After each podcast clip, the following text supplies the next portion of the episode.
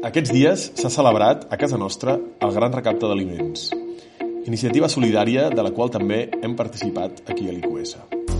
Ja fa anys que cada mes de novembre supermercats, institucions educatives i altres organitzacions socials s'impliquen diferents dies en la recollida d'aliments de cara a donar-los al Banc d'Aliments de Catalunya, que els distribueix entre famílies que ho necessiten.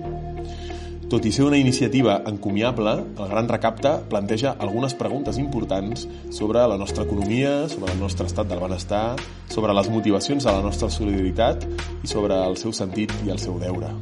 Preguntes que clarament no podem defugir. Indefugibles, el podcast de la Càtedra d'Ètica i Pensament Cristià de l'IQS, amb Xavier Casanovas i Oriol Quintana. Un podcast amb la col·laboració de Catalunya Religió. Dia, Oriol Quintana. Bon dia, Xavi Casanovas. Doncs benvinguts al podcast de la Càtedra d'Ètica i Pensament Cristià de l'IQS. Com deia ara, anem a parlar del gran recapte d'aliments, que és un tema del qual s'obre debat cada any, no? Debat sobre la solidaritat, sobre la nostra resposta a les persones que més pateixen de la nostra societat. Sí, jo me'n recordo quan vam començar, que va ser, no va ser iniciativa meva, però sí que des de la Càtedra d'Ètica, des del nostre departament, intentem canalitzar al màxim iniciatives solidàries doncs la iniciativa no va néixer dintre de la, del nostre departament. Eh, i, I aleshores, quan va venir la persona, va, anem a fer això, jo vaig dir, home, i tant, i tant. Però de seguida vaig adonar-me que hi hauria problemes, o que hi hauria debat dintre, dintre del departament. I estic parlant de fa dos o tres anys. Eh, per què? Perquè sempre, o sigui, sempre hi ha el problema de... Uh, bueno, dos problemes. El primer és que es qüestiona, sobretot, la motivació de la gent que dona, per què dona, i també la manera... O sigui, també es qüestiona el donar, el fet mateix de donar, sobretot que es pot ferir a la gent segons, a la gent que rep l'ajuda se la pot ferir segons com es doni l'ajuda, m'explico? I a més les dues coses estan molt relacionades, perquè que la gent que està passant necessitat eh, està en una situació molt delicada, eh, tothom és molt vulnerable, però quan en sobre no tens prou diners, aleshores encara més, no? I quan has de recórrer a l'ajuda dels altres. Aleshores, uah, el fet de donar suposa una superioritat, no? I després el fet de rebre s'ha de fer amb prou delicadesa com perquè la persona que rep no, no se li recordi, diguéssim, la seva situació de, no de vulnerabilitat, sinó de sotmetiment a la necessitat i de sotmetiment a la voluntat dels altres, perquè aquí és depèn completament dels altres per, per poder menjar, en aquest cas, no? I aleshores, bueno, eh, clar, tenim el problema de dir, nosaltres estem a, a l'Institut Químic de Sarrià i toquem un àmbit de població, és una universitat privada, això ho sap tothom, que no té problemes econòmics. Eh, però pot tenir a vegades algun problema de consciència de, de ser com molt una, societat, una part de la societat com molt privilegiada. I aleshores, eh, si li ofereixes la possibilitat de donar aliments, li estàs indirectament, i perdona que sigui molt franc, donant la possibilitat de netejar una mica la seva consciència i que bueno, i anar tirant sense qüestionar-se més enllà, no? sobre la seva estil de vida, sobre l'ètica personal seva, etc. I a més també et trobes que pot haver-hi gent que ho fa més amb, amb més desgana que bona voluntat, no? Les dues coses, però es nota com... Llavors, tot això, tot plegat és, és com molt lleig. Eh, el fet de que hi hagi gent que li sobren els diners, per dir-ho provament, i que, bueno, doncs mira, se sent una mica, una mica millor amb si mateixa eh, si a sobre dona una mica del que li sobra i, i per altra banda tenim la simetria tremenda de gent que necessita menjar per poder continuar vivint o sigui, és una cosa, són dues situacions en què veuen sotmeses persones igual éssers humans igual i en una simetria tan gran que és, que és horrorosa. Sobre, sobre el tema aquest que dius de la solidaritat i les motivacions de la solidaritat, no? Um, clar, a mi tot això em remet, no? Hi ha la pel·lícula aquesta famosa del, del Berlanga, de Plácido, que és aquesta del, de la famosa frase de ponga un pobre en su mesa, no? Sí. És a dir, és una espècie de marató de la pobresa. Aquí hem tingut maratons de la pobresa, eh? Quan va haver-hi la crisi del 2008, després podem parlar eh, de, la, de la dimensió aquesta més estructural, no? Però hem tingut maratons de la pobresa a casa nostra, no? Uh, bueno, aquesta pel·lícula, que és dels anys 60, d'alguna manera el que el que venia a denunciar, perquè no era més que una pel·lícula bueno, costumista i de denúncia social, era bueno, pues que en, en una època, que era una època molt diferent a l'actual, però era l'època franquista, doncs es feia això, no? es feien gales de Nadal en les quals els rics, diguéssim, no? um, agafaven un pobre i el portaven a casa seva i els rics es menjaven la, el pit del pollastre i tal, i les ales, diguéssim, li quedaven per al pobre, no? i era bàsicament una, una maquinària per netejar consciències. I perquè... una exhibició... O sigui, clar, és Clar, és que pots, si tens això en, de, en la ment, pot ser tot molt insultant, diria, molt horrorós. Però clar, per altra banda, i tornant al que deia abans, quan ve la persona que té la iniciativa i diu, ei, anem a fer això, ja, és, o sigui, no, no hi ha això al darrere, no hi ha un, una problematització tan gran de l'assumpte i llavors com a persona que se suposa que t'encarregues d'aquestes coses de dir que sí i en aquell moment vaig pensar, bueno, evidentment que l'anem a fer. Després ja nos comeremos los marrones filosòfics que tenim al darrere, que són reals, que no, no, no estic trivialitzant. Eh? Tot això que parlem ara, evidentment, és un debat que hem de tenir, és un debat ineludible. Però, però de moment, tio, tirem endavant.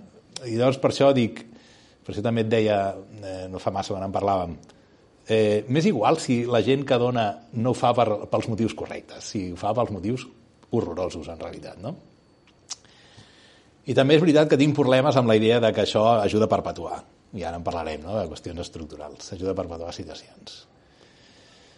Però, bueno, és, fet... però penses, a vegades és millor fer coses que fer-les superbé.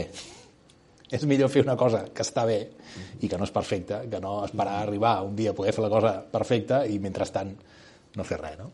Fins, abans d'entrar encara en el tema més estructural, Um, clar, o sigui, és el que tu dius, no? Cal partir de... Nosaltres veiem una realitat que demana una resposta. Els pobres hi són, hi ha pobresa, eh, hi ha tu, gent que... És que hi ha pobresa. És que a mi... Jo, bueno, perdona que t'interrompi, però aquest és el problema, també. Pensem, hi ha pobres. O sigui, pobres som tu i jo. O sigui, jo no us, espero que no, però és que potser demà passa alguna que precipita una sèrie de fets i fa que jo hagi d'anar a la parròquia on sigui eh, a Càritas a demanar aliments per alimentar els meus fills. Hi ha una... Hi ha llavors, un... O sigui, Sí, sí, sé que no em, consideraré la, no em consideraré la mateixa persona quan això arribi, però en realitat sí que ho soc, saps? O sigui, un dia estàs aquí donant classes a la universitat i donant un podcast dient que intel·ligent soc i que guapo i tot això, i el dia següent estàs fent cua a, a Càritas i més no, no saps ni com ha passat i tal i qual.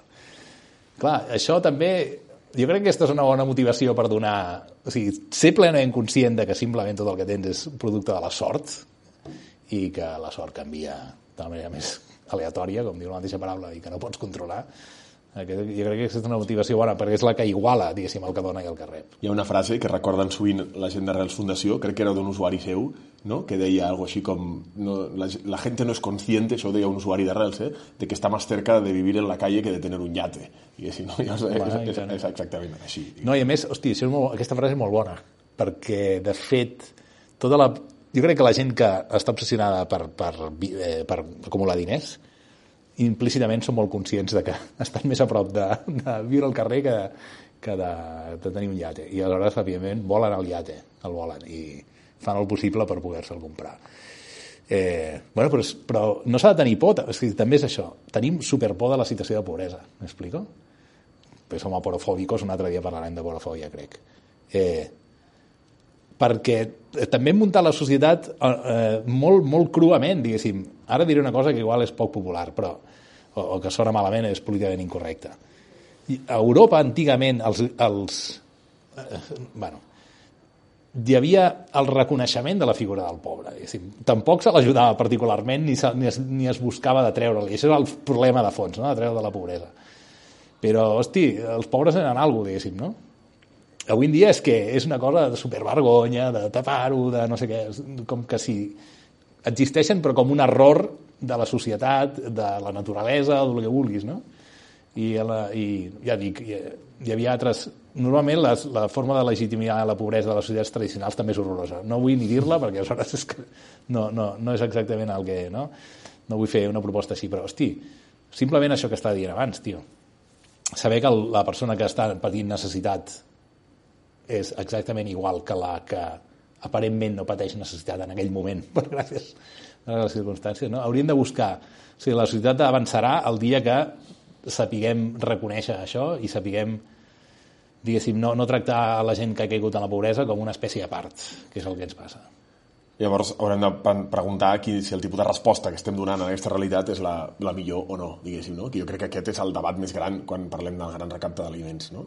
Perquè la pregunta és si seria possible una resposta estructural. No? És a dir, la iniciativa és evident, eh, tornant a el que dèiem abans, no? si algú veu una realitat i intenta donar-hi resposta, eh, doncs qualsevol cosa que faci, diguéssim, és aquest moment assistencial de l'ajuda, està ben feta, diguéssim, no? Si tu trobes algú eh, que acaba de tenir un accident al carrer, el que has de fer és assistir, diguéssim, no? No esperar, bueno, és que ja esperarem a que arribi l'ambulància, no? No esperem a que la resposta estructural arribi, eh, la, la, la demanarem, però, però assistirem i respondrem en aquesta realitat, no? Um, I a més a més això té unes dinàmiques molt positives també, ho dic per posar un valor, no? I que són dinàmiques de, de caire comunitari, no? És a dir, bueno, llavors jo vull donar ajuda, potser no, no sé com fer-ho, vaig a buscar un altre, amb qui m'ajunto, llavors per tant es creen dinàmiques en les quals per intentar respondre a una realitat no? s'estructura una certa comunitat entorn a la voluntat de donar resposta. I això és una cosa que avui en dia eh, és bueno, més necessària que mai, diguéssim, on la majoria de respostes a les coses són individuals o creiem que de la majoria de problemes en, portem, en podem sortir de manera, de manera individual. No? Per tant, aquesta resposta comunitària és molt bona i no ens enganyem. La majoria de parròquies del nostre país, la majoria de eh, pues jo què sé, no? petits, petits llocs, escoles, organitzacions, han fet el gran recapte i tenen molts d'ells un banc d'aliments, diguéssim, no? un banc d'aliments que, que dona atenció a una població concreta. No? La pregunta és per què continuem tenint bancs d'aliments avui en dia, diguéssim, no? les nostres societats opulentes i desenvolupades. No? I sobretot quan hem sigut capaços de crear estructures dintre del nostre estat del benestar que donen resposta a necessitats eh, que són tan primàries com són les de l'alimentació, com són la salut eh, o com són la mateixa educació. No? Clar, algú podria dir, bueno, aquestes són una mica més secundàries, l'alimentació encara és més primària. No? Eh, bueno, doncs, si és així, eh, per què no sabem donar una resposta estructural? No? Eh, eh, què hauria de passar? No? Jo Uh, jo m'agrada, i te'l vaig comentar l'altre dia, aquest exemple, uh, que sempre poso quan parlo d'això, no? i és que una vegada vaig anar a fer un viatge a Itàlia, vaig anar a Milan, Milan és una ciutat com podria ser Barcelona, o sigui, perfectament, diguéssim, no? Uh, uh, ciutat de passat o, o, o una zona, diguéssim, no? a Itàlia de passat industrial, una zona molt rica, una zona... O sigui, és com perfectament comparable a Barcelona, no? Una cosa que a mi em va sorprendre, passejant per Milan i amb unes entitats que ens van ensenyar i ens van presentar, era que tenien bancs de medicaments, no? Igual que nosaltres tenim bancs d'aliments, allà tenien bancs de medicaments. És a dir, hi ha gent que no es pot permetre pagar els medicaments perquè no deuen estar coberts per la Seguretat Social, com ho estan aquí, diguéssim, no? a través de les receptes dels metges, i per tant eh, doncs la societat s'organitza i compren medicaments i els posen a disposició en bancs de medicaments per a aquella gent que necessita bancs de medicaments. No? A mi em va sorprendre moltíssim. És a dir, em va semblar que el com um, com qui diu de país subdesenvolupat. O sigui, no podia entendre perquè que jo sàpiga, a casa nostra, això encara no s'ha donat, diguéssim, no? o almenys no conec que hi hagin bancs de medicaments a les nostres parròquies. I em va xocar totalment, però clar, per a la gent que estava allà era el més normal del món, igual que per nosaltres el més normal del món és que hi hagi bancs d'aliments a les parròquies i que trobem que la gent s'organitza per això. No?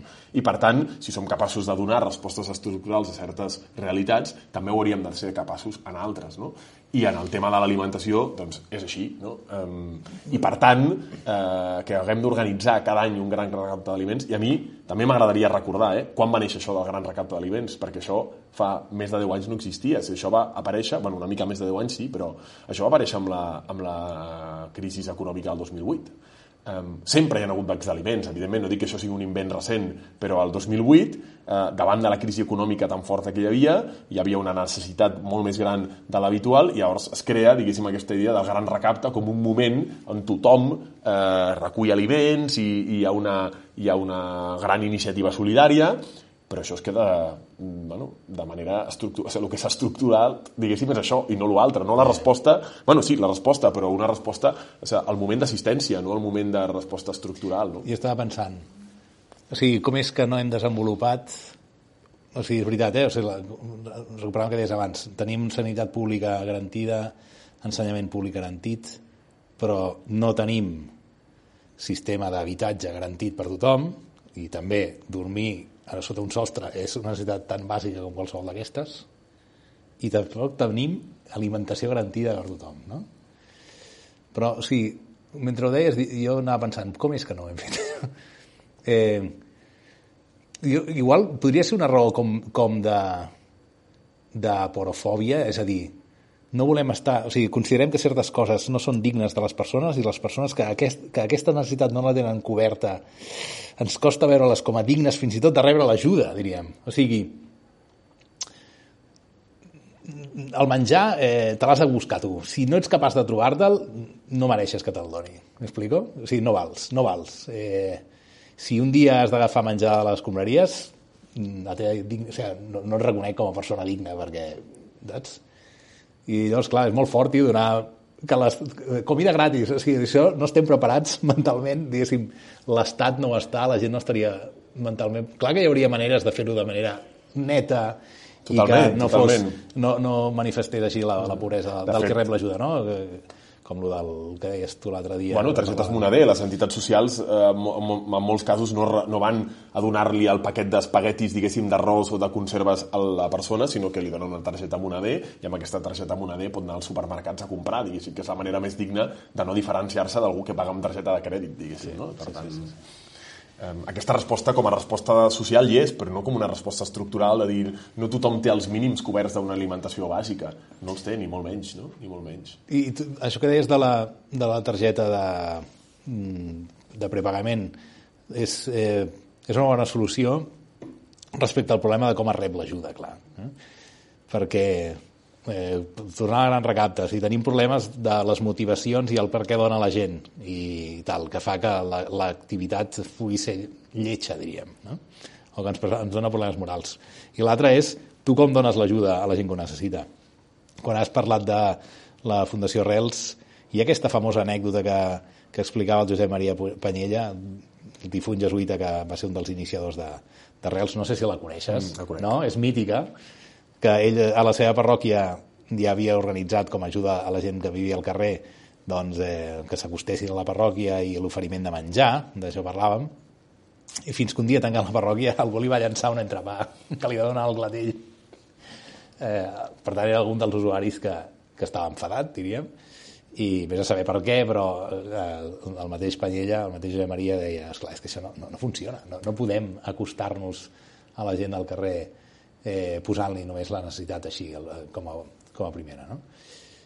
I, i aleshores doncs, va començar la Fundació Arrels, eh, bueno, el que va acabar sent la Fundació Arrels eh, amb una altra aproximació al màxim, no? eh, totalment diferent i el que s'intenta preservar allò a falta d'una paraula millor eh? l'autonomia i el respecte cap a la persona no?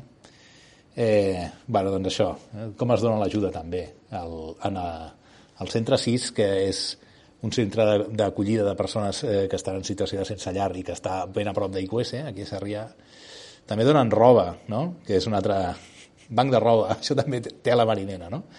Eh, doncs, eh, i això de que mm, diguéssim que les, el, el lliurament de la roba es fa com si s'intenta fer al màxim com si fos una, una cosa similar a anar a comprar, diríem, no? O sigui, igual que t'atenen bé quan vas a comprar, si tens sort, a vegades no, que t'atenen bé, et mostren varietat, doncs ja... I això, no? Per no, per no convertir allò en un centre carcelari. O sigui, eh, com, toma, aquí està el tu uniforme de pobre, agafa-te'l i vés-te'n al carrer, que ja ens has molestat prou, no?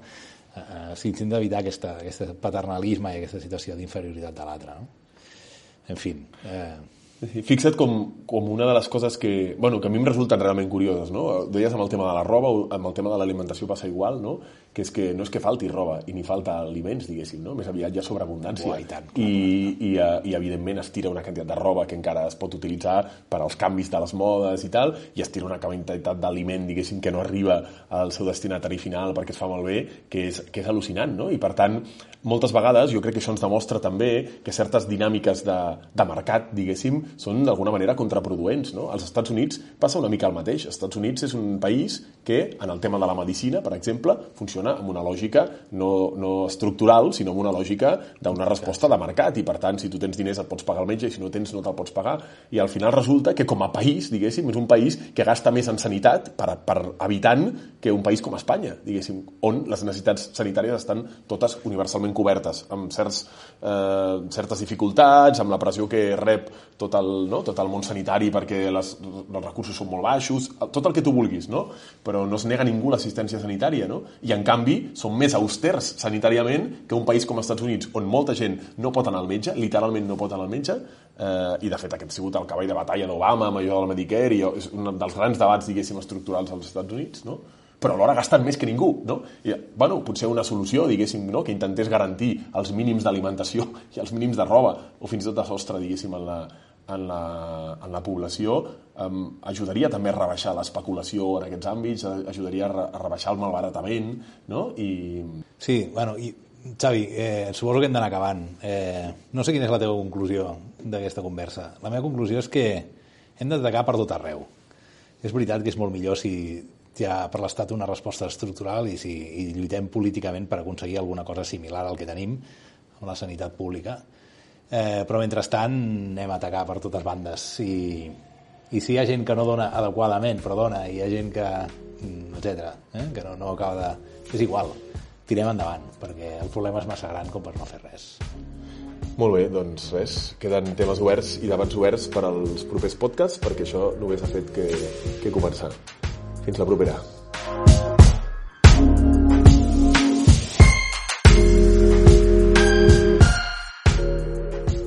Catalunya Religió.